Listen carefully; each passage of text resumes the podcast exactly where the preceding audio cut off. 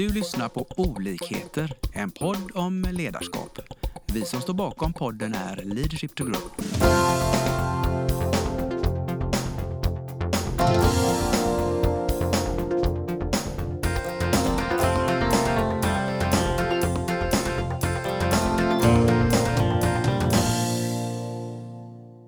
Välkomna ska ni vara till eh, dagens podd. Jag heter Lars Engström från Leadership to Grow.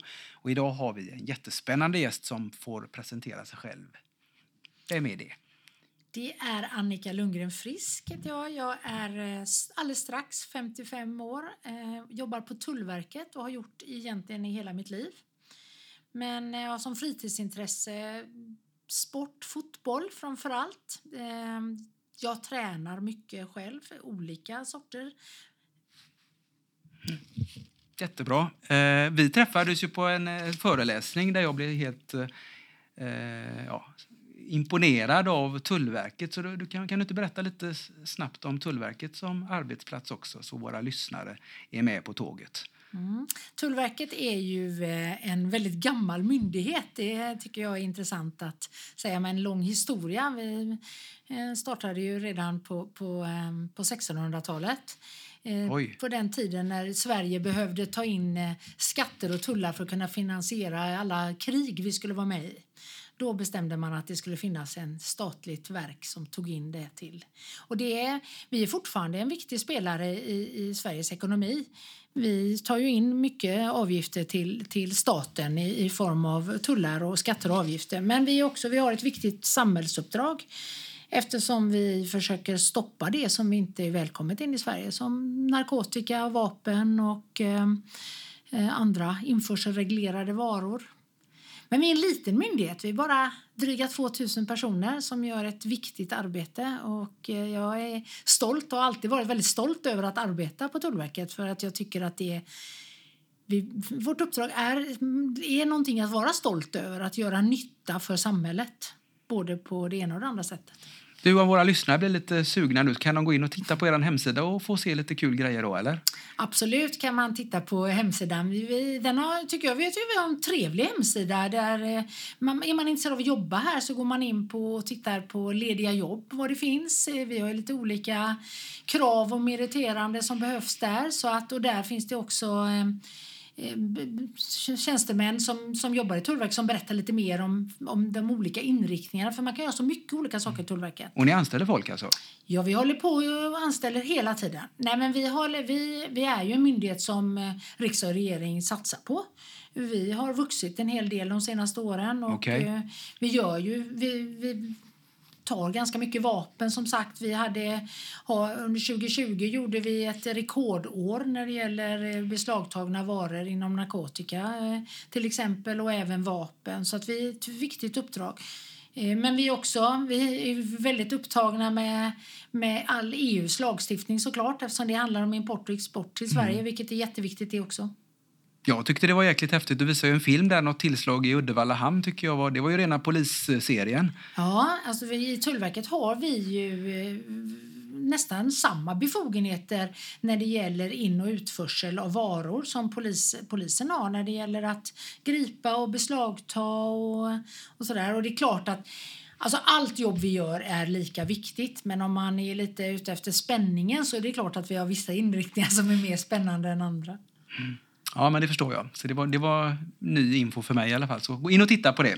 Men det är inte det vi ska stanna vid, utan nu ska vi kasta oss in i då ett annat intressant ämne. Det är ju ledarskap då och eh, ledarskap i en sån här stor organisation. Och vad tänker du? Du har varit här relativt många år. Vad, vad, vad tänker du är viktigt för att få ett bra ledarskap eh, i er organisation? Jag tror att eh, ledarskap bra ledarskap och viktigt ledarskap tror jag inte skiljer sig så mycket från olika organisationer. Jag tror att, att bra ledare finner sig i, i hitta sina platser i, i vilken organisation som helst. Men det är klart, i en myndighet så måste du ju ha en grundläggande förståelse att det är skattebetalarnas pengar som betalar din lön och eh, betalar för den utvecklingen du gör. Så du får ju också vara noga med det. Så att du får ju vara lite rättrådig ska man säga. Tycker jag, mm. vilja och kunna följa lagar och förordningar. Mm. Ja, det var bra ord. Kan du utveckla det lite så lyssnarna förstår? Hur är man rättrådig? Ja, men man, man, jag tycker att man ska ha en, en, en känsla av vad som är rätt och fel. Ja. Att man ska veta att man inte kan ta några genvägar mm. om man jobbar i en myndighet. Att eh, det, som, det som står, det står och mm. är det ett krav, då är det ett krav. Och vi kan inte, vi kan inte göra, bestämma efter eget huvud. Utan, och det är ganska tydligt de delarna. Ja, jag tycker och det, men, men det finns ju alltid människor, även chefer och ledare, som tycker om att ta genvägar. Det är klart att man får skilja mellan att vara pragmatisk och lösa problem, mm. men att ta felaktiga eller, eller faktiskt kanske till och med kriminella genvägar. Det ska yes. man inte göra i något jobb, men det är viktigare i staten. Det förstår jag. Och vilka krav ställer det då på ledarskapet som du har, kan lyfta fram? Jag tycker att det ställer krav på att det som jag sa om att det är skattebetalarnas pengar. Det handlar ju om att ha en effektivitet mm. både i sitt ledarskap men också få ut det av sitt team eller av sin, av sin grupp som man har. Att man är effektiv, att man inte slösar. Mm. Eh, och det som ledare så måste man ju ha en viss koll på det mm. och eh, kunna förmedla vikten också av att, att göra ett jobb på ett effektivt och rätt, riktigt sätt. Då. Precis.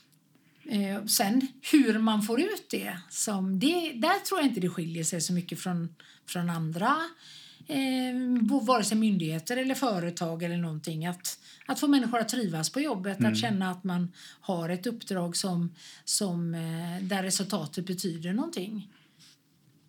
Är det en konflikt där, tycker du, att få konflikter mellan att trivas och resultat? Det skulle kunna vara en konflikt, absolut. Eh, jag har erfarenhet av där man har haft väldigt resultatinriktade... Mm. Alltså vi, mät, vi mäts ju i samhällsnytta i Tullverket till exempel. Att man, där man har, det finns tabeller hur man räknar om. Om du tar två kilo heroin, hur mycket samhällsnytta är det? Alltså, vad skulle det kosta samhället mm. om det hade kommit ut okay. i samhället?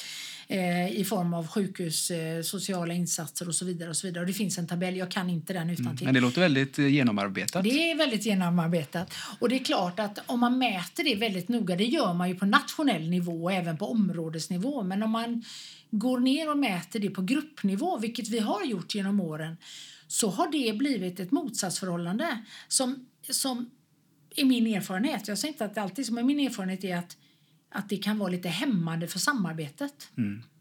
Att man då tävlar mot andra grupper okay, där man egentligen ja. har ett gemensamt uppdrag. Yes. Men eftersom man mäter resultatet så blir det viktigare vad min grupp gör än vad hela området ja, gör. Det blir någon intern konkurrens som inte är bra varken för organisationen och kanske inte heller för samhället. är klart.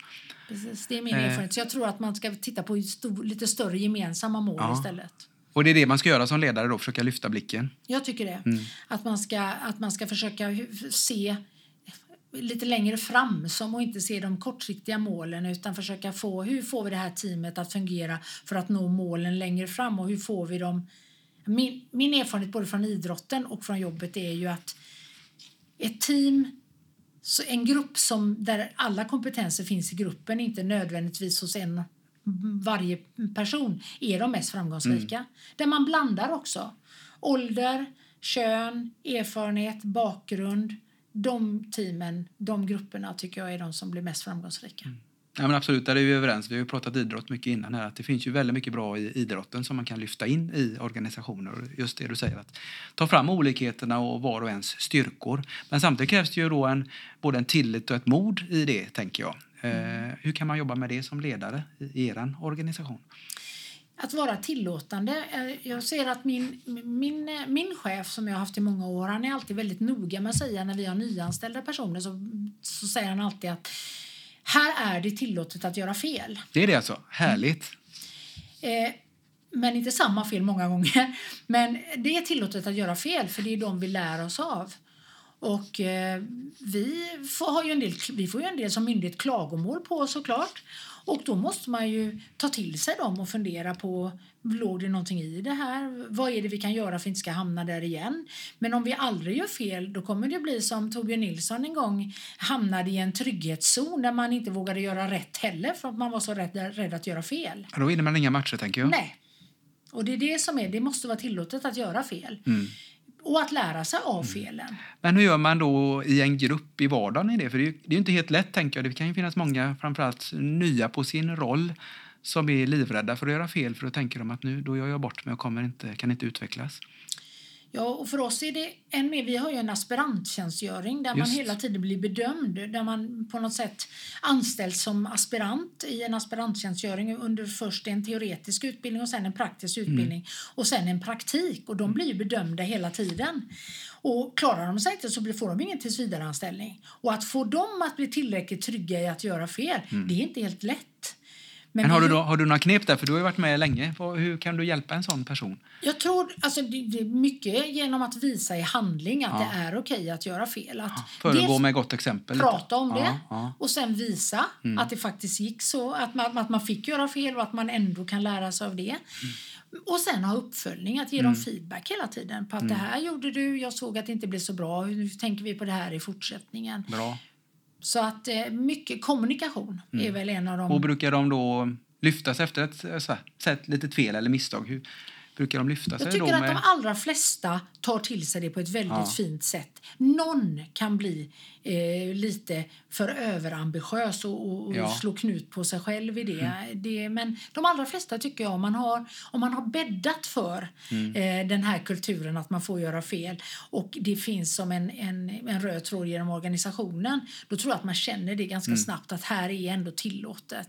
Och det känner du att det, det har ni i er kultur in, inarbetat? Jag tycker det. Sen har jag ju varit här väldigt länge så att ibland så är jag ju också lite rädd för att man blir hemmablind. Mm. Så vi brukar försöka fråga de nyanställda om de har upplevt det så. Hittills så har de allra flesta upplevt det som att det faktiskt är en tillåtande organisation. Mm.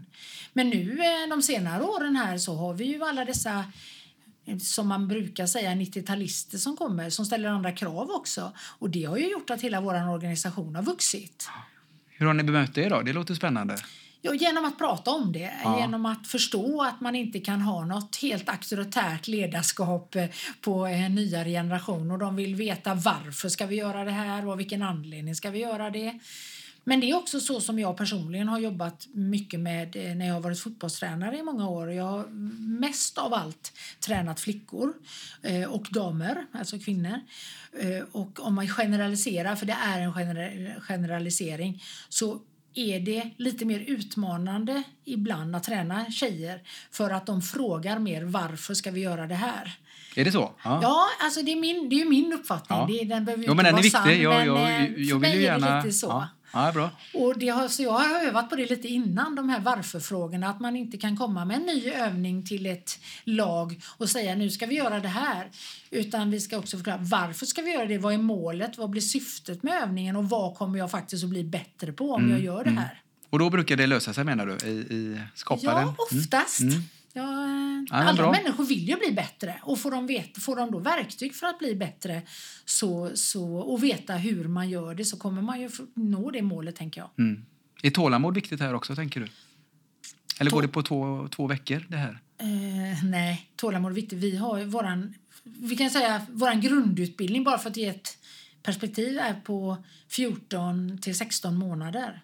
Yes. För att vi anser, och, sen, och då säger vi ändå till dem sen att det är inte så att vi förväntar oss att de ska vara färdiga tullare när de har klarat sig och blivit tillvidareanställda. Då är de fortfarande nya på jobbet.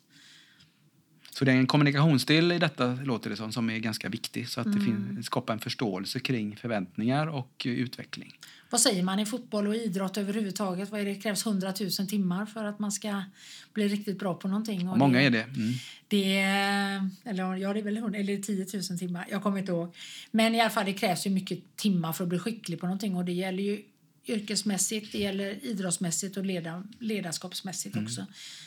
Men hur rimmar det? Min, eh, en eh, liten del, jag är också idrottsrelaterad tränare då inom segling. Och det, det, vad jag, jag känner igen mig i det du säger om, om den generationen och kommande. Men, att, men det är lite också väldigt lite, det ska ske nu. Tålamodet tycker jag inte känns lika bra som när jag jobbade för 15 år sedan med, med motsvarande åldersgrupper. Att det ska gå fortare. Och, och hur ser du den bilden också?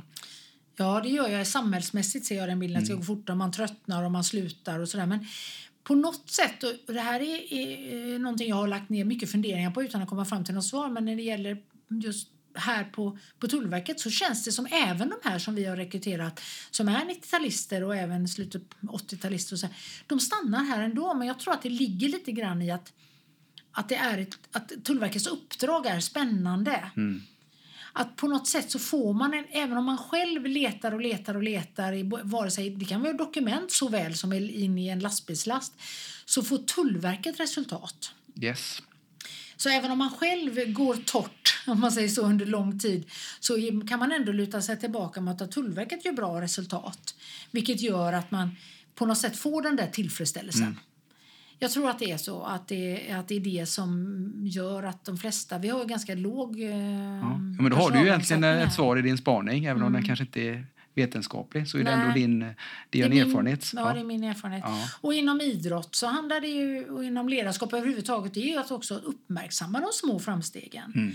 Att, att ge positiv feedback, mm. att förstärka det mm. som är positivt. Mm. Eh, och att kanske släcka de beteenden som man inte vill ha. Mm. Och det är ju en konst i sig att se det, men jag tror att man kan, alla kan bli bättre på att stärka det positiva. Ja. Har du något tips där? Hur kan man eh, bli bättre på det som ledare? Att vara uppmärksam också, mm. att se mm. människan. Att, att vara inte, jag tror att ska man bli en riktigt bra ledare så måste man i grunden vara intresserad av människor. Mm. Annars ska man bli specialist, brukar jag säga, om, mm. det, yes. om det är det andra man om man är mer intresserad ja. av utveckling av själva en, en ja, specifik sak. Jag blev nyfiken ändå för att du, du inledde här lite och sa att det, det, är viktigt då att följa upp också. så vidare. Har ni någon stödstruktur eller mål för just de här enkla eller mjuka bitarna då, ge feed, positiv feedback och följa upp i vardagen? Eller, eller ligger det på varje ledare att göra? Eller har ni något stöd? Nej, vi har stöd. Vi har, ja. Det åligger varje ledare här inom oss att ha, ha medarbetarsamtal och inte bara en gång om året utan det ska delas upp på kortare, har det? Mm. Ja, på kortare medarbetarsamtal flera gånger per mm. år där man inte täcker in allt vad du gjorde mm. från eh, 1 eh, januari till 31 december utan, utan man ska prata om korta, korta små möten mm. där man pratar Bra. och ger feedback eh, kontinuerligt under tiden. Och det låter som, eh, för, för det är lite skolboksexempel tänker jag som jobbar med det här. Eh, hur blir resultatet? Har ni Får ni återkoppling? Ja, eftersom, jag, eftersom jag har jobbat här sedan medeltiden ungefär känns det som i alla fall eh, så, så tycker jag att den utveckling vi har gjort när det gäller att ta tillvara på och utveckla våra medarbetare är ju enorm under de. Jag tycker mm. att vi och jag tror att det är också att vi har en låg personalomsättning mm. och, och det, det, jag tycker att jag tycker att Tullverket är en bra arbetsgivare och att vi tar tillvara våra medarbetares eh, kompetenser och allt vad de kan och, och, och vill göra också. Ja, men det känns som det att ni har en bra modell. Och eh, ett kvitto är ju att de, många stannar länge och utvecklas också i, i verksamheten. Precis, och sen är det klart att det finns ju också en det blir något självuppfyllande här. Eftersom de flesta trivs väldigt bra här, gör bra reklam, så har vi väldigt många som är intresserade av att jobba här. Mm. Alltså en, en, en, vanlig ansökan vi har här för en grundutbildning där vi kanske ska anställa ett 30-tal personer så brukar vi ha 3000 sökande kanske. Alltså det, det, det låter som en fantastisk siffra. Ja, det är inte klokt.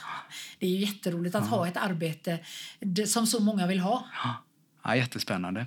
Du, du, ett ämne som jag är lite nyfiken om, som, som jag vet du har, du har ju nyligen hoppat på en, en ny utmaning här då med att, att eh, vara ledare utan så säga, chefsmandat. Mm. Det är ju en intressant arena och område. Vad tänker du om det? Ja, jag är lite ny på jobbet här nu kan man ju säga, att inte ha en, en, en chefstitel i bakgrunden. Så att hur det här kommer att bli är ju lite diffust fortfarande, men jag tänker att man kan leda utan att vara chef också genom att vara, vara tydlig med sina förväntningar och, och, och vad, man, vad man vill få ut av människor. Eh, eller av kollegor i det här fallet och av andra chefer. Jag tror att, att tydligheten kanske... Jag vet, mm. alltså det här jag blir lite diffust därför att det är lite diffust. Ja. Jag håller ju på att prova mig, mig fram. Ja, ja. Jag har ju varit chef i så många år så att den här rollen är ju lite Alltså, nu, nu är jag tillbaka som jag var innan jag blev chef, ja. fast med all chefserfarenhet. Ja. Men det låter ändå som när jag ser på dig, det kan ju inte lyssnarna göra, men det, det lyser ur ögonen. Du är triggad av det här känns som. Ja, jag tycker det ska bli så spännande att få göra någonting nytt ja. och att få utnyttja den kunskapen jag förvärvat genom alla år, men ändå inte göra det i ett chefskap utan ett ledarskap utan just det mandatet där. Jag tror, men jag tror kommunikation. Eh, jag tror på att vi ska, eh, att hela tiden vara tydlig med vad jag både förväntar mig men också vara var, var uppmärksam och eh, vad, jag, vad andra förväntar sig av mig. Att kunna Ja. tillfredsställa de eventuella behov som finns i, i, eh, i den här rollen. För jag, jag ska alltså arbeta något med utbildningskoordinator inom Tullverket nationellt. Och en roll som har efterfrågats men inte som inte riktigt har funnits. Så det finns ingen arbetsbeskrivning heller så jag ska bygga upp den också. Spännande. Tillsammans naturligtvis med andra, inte jag själv. Men, så det ska bli jättespännande Det att få göra det väldigt här. roligt. Men det här då att jobba med eh, tydliga förväntningar åt, åt bägge hållen. Både för dig som, som håller ihop det och de som du ska jobba med och för. Eh, vad tänker, har du några knep där för våra lyssnare? För jag tänker många som lyssnar här ska ju ut i sina första roller just med sådana eh, utmaningar. Det som har funkat bra för mig är ju att vara ganska transparent. Att, att våga säga att man inte kan. Eh, att, att, att, jag tycker inte man, man förlorar inget ansikte på det. Eller för, utan man säger att man inte kan men att man är Måste man inte kunna allt alltså? Nej, det är precis det som man inte måste.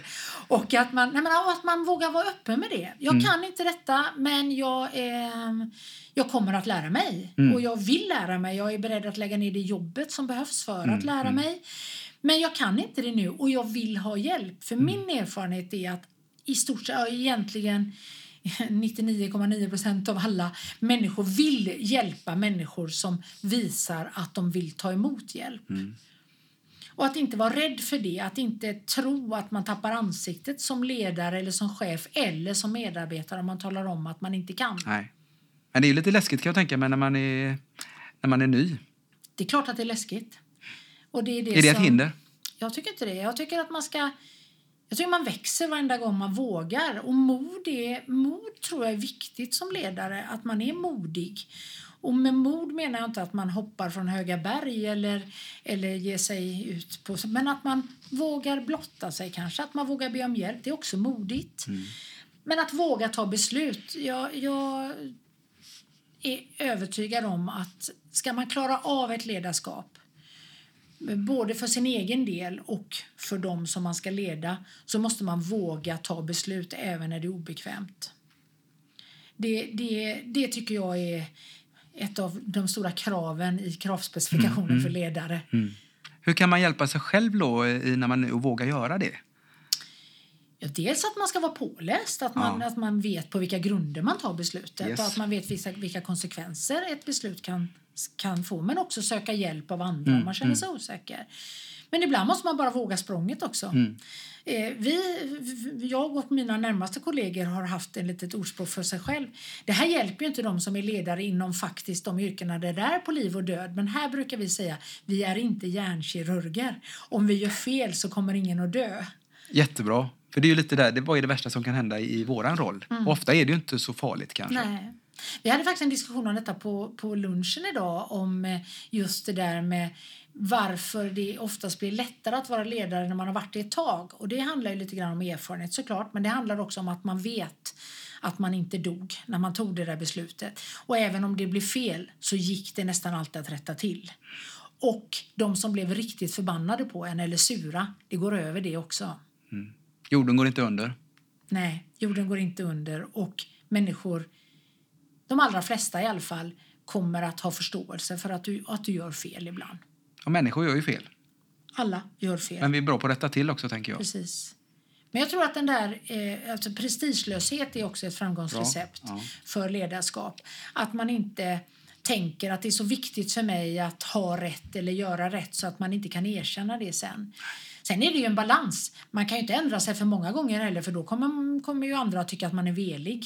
Så det gäller att ha balansen här genom att vara prestigelös, att kunna ändra sig men ändå inte bli en vindflöjte som flyttar sig med vad andra tycker. Det är en väldig balansgång det där. Absolut.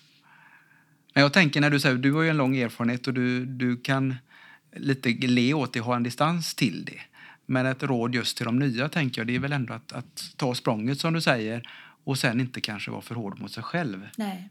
Jag tycker också att alltså dels så ska man våga bli chef. Om man har chansen att söka ett, ett, ett chefs eller ledarskapsarbete oavsett vad man har för ålder och erfarenhet, våga det. Gör det. Tro på att du kan. För att om du ens tänker tanken att du, ska bli, att du kan tänka dig att bli chef, då kan du antagligen bli det. För de som absolut inte vill bli chefer, de tänker inte den tanken. Nej. Så har du börjat att tänka tanken att det skulle vara kul med ett chefsjobb, Ja. sök då. Eller se till att skaffa dig den erfarenheten som behövs för att kunna söka det. För har du tänkt tanken så är du antagligen rätt person för det. Ja, men det är väl ett jättebra eh, tips till, till att har man tänkt tanken då är man lite triggad, lite nyfiken. Ja. Gå på det.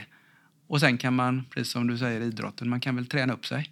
Ja, och sen ta hjälp. Eh, lyssna på, på andra föreläsningar, på andra chefer. Titta på vad som är framgångsrika ledarskap. Titta på, har du haft någon bra chef i ditt, i, ditt liv? Var, varför var den bra? Reflektera över det. Vad var det den gjorde som var bra? Och gjorde den något som inte var, var bra? Eller om du har haft en, en dålig chef. Var, varför var den inte bra? Och så ser du till och så behöver du inte göra de misstagen själv. Då kan du lära dig av någon annan. Men våga. Och sen, om du skulle bli chef och det inte, faktiskt inte blir så bra, du trivs inte eller du, du känner att det inte var... Men våga kliva av då. Har inte någon prestige i det att du måste fortsätta bara för att du klev på. Bra. För då kommer ju ingen bli lycklig. Absolut inte du själv och inte omgivningen heller. Och det är dyrt både för dig själv, investerade känslor och tid och pengar. Både för dig själv och företaget. Så att eh, Men prova, säger vi. prova, jag vågar prova. Eh, det, vad, är det som, vad är det värsta som kan hända? Du kommer inte att dö. Och blir det för eländigt, kliv av då så sök dig ett annat jobb. Det kommer Ja, att funka ja. det med. Men det som också ett, ett råd som är viktigt är att ta inte, blir du chef så kan du, du får inte ta det personligt allt som händer. Nej. Därför gör du det så kommer du inte att må bra och då kommer du inte vara bra på ditt jobb. Sen tar man saker personligt i alla fall ibland. Det gör alla. Det gör även den mest erfarna och duktiga och bra chefen kommer att ta vissa saker personligen. Därför att det är människor det handlar om och då ibland så kommer man att ta det personligt. Men försök att tänka att du utför ditt jobb. Försök ha en viss distans. Framförallt till de besluten som andra människor eller dina kollegor eller dina medarbetare inte tycker om. Därför har du tagit det beslutet så har du gjort det av en anledning. Försök att luta dig och, och vila i det beslutet att du hade det var ett rätt beslut även om några blev sura på dig. Men vad krävs för att lyckas med det mitt i, mitt i kriget så att säga? Alltså det är jättesvårt men jag tror att man ska vara mentalt förberedd på det. Mm. Jag tror att man, när man tar en chefs, ett chefsjobb så ska man redan tänka precis som du ska vara mentalt förberedd inom idrotten. Där du ska se, du ska se dig själv gå i mål, du ska se dig själv prestera och utanför din, din egentligen kapacitet så ska du också mentalt förbereda dig på att vara ledare. Du ska förbereda dig på att de här besluten kommer inte alla att tycka om. Eh, du ska mentalt förbereda dig på att du kommer att få skit någon gång. För många, många år sedan gick jag en ledarutbildning eh, och då lyssnade jag på en föreläsare som då var eh, generaldirektör för Kustbevakningen. Jag tror att hon hette Marie Havström, men jag kommer inte riktigt ihåg det. Hon sa på en föreläsning, jag kommer inte ihåg så mycket vad hon sa, men jag kommer ihåg en sak som hon sa. Och hon- då sa hon så här. Om du fattar ett beslut som 100% tycker var ett bra beslut så har du troligtvis fattat ett fegt beslut. Den var bra. Och det har jag burit med mig. Att räkna med från början att någonstans 20-25% kommer inte tycka att det beslutet du tog var det rätta. Men om 75% tycker att det var ett bra beslut så är det troligtvis det rätta beslutet. Det tål lite reflektion. Mm. Men det säger lite också om beslutsfattande. Som du säger, att vi, vi, man ska trigga sig själv, man ska gå lite utanför boxen. Och det ska vara lite, lite obekvämt, men ändå, för då stretchar man sig själv och organisationen. Precis. Och sen tror jag också att alltså om, om som chef och ledare har du också ett ansvar att se, att ha en helhetssyn. Att kunna se konsekvenser för hela verksamheten. Som medarbetare behöver du inte det. Och då är det väldigt lätt att, vara, att, att kunna se det som i, att du konar och du ser bara mm, vad är det för mig i det här. Eh, och det är klart att det beslutet som du tar som du skulle vilja ha som vore det bästa för dig är ju inte alltid det bästa för organisationen eller företaget eller vad det nu är. Och där har du ett ansvar som chef och ledare att kunna lyfta blicken och se den större bilden. Precis. Så, men våg, men jättebra, jättebra. våga vara modig. Och kittlar det lite sådär att du ska söka ett chefsjobb, gör det då. Ja. Och hade du inte alla, allting som behövdes för dig nu, se till att skaffa det då Ja. så du kan söka nästa gång. För det är ju kul. Det, det är roligt att leda. Det är roligt att vara med och påverka, att kunna påverka. Det är kul att bestämma. Jag tycker att man inte får glömma det. Och makt har ju ibland fått ett, en, det får ju en negativ klang därför vi tänker på despoter och dikta, diktatur, diktaturer där man leder på fel sätt och sådär. Men, men det är faktiskt det är roligt att leda. Det är roligt att få, att få bestämma över andra. Nej, men att få göra det på ett sätt som man då naturligtvis tror är det bästa sättet. Det är kul. Det är kul att vara med i ledningsgrupper eller att få, få, få veta saker innan andra. Alltså, f- det, det, är också, det finns en glädje i det, att få, att få vara kanske en spindel i nätet som, som kan vara med och påverka att du blir mer framgångsrik. Att du, att, att, att, tänk att se en grupp som kanske inte har fungerat så bra men med idéer som du har, med dina erfarenheter, så får den här gruppen att fungera. Det är en enorm tillfredsställelse. Underbart. Nej, men det är det här jag tror vi börjar närma oss en kärna också i det här med ledarskap. Att det är väldigt roligt och det ger mycket energi. Det ger de här, nästan som idrotten, då, eh, en passionerat förhållande till det här med att, att utvecklas Mm. på ett positivt sätt. Så man, som sagt, man ska inte vara rädd för det. Utan Nej. snarare omfamna det. Att det Precis är, tvärtom. ja, Och sen, men som sagt, det finns ju baksidor med ledarskap och det är att man tar på sig för mycket jobb, man har svårt att säga nej, man, låt, man jobbar för många timmar och så vidare. Och där får man ju hitta sitt eget bästa sätt. För det är ju inte så att det är ju sån här klyscha, men klyschor kommer ju till för att, eh, för att det finns sanning i dem. Och det är ju att det finns ingen som på sin dödsbädd ligger och säger vad synd att inte vara med på kontoret. Alltså det finns det ju inte. Man måste ju hitta en balans mellan, mellan sitt jobb och sin passion för jobbet och sin fritid och si, sitt, sitt andra Precis. liv med sin familj. Och därför också är det viktigt att signalera ju- just att det är inte så att springa fortare och fortare utan det är just den här som du säger att hitta en balans. Var får jag energi? Var hämtar jag energi?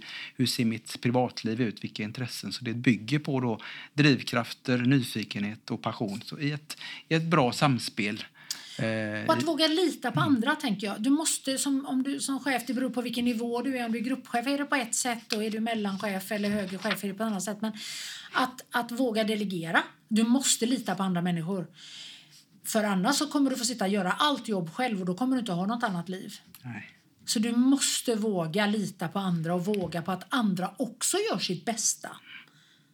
Och då kan du ju delegera. Och så att också skapa dig med ha människor runt omkring dig som du kan lita på. Som du vet att det här lägger jag på den. Och då måste du ha det löpa det linan ut. Du kan inte delegera och sen kolla hela tiden.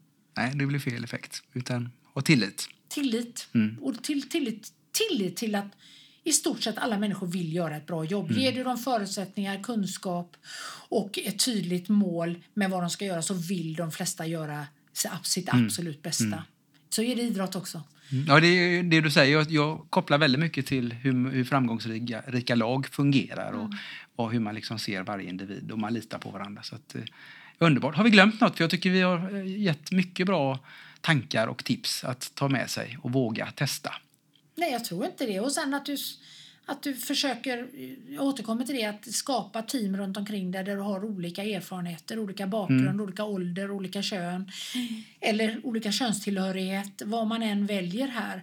Att, att och att också olika personligheter, att du har några som är riktigt drivande, några som springer fort men gör fel ibland, de där som bromsar ibland Ja. och säger att men vänta lite här nu, har vi tänkt på det här?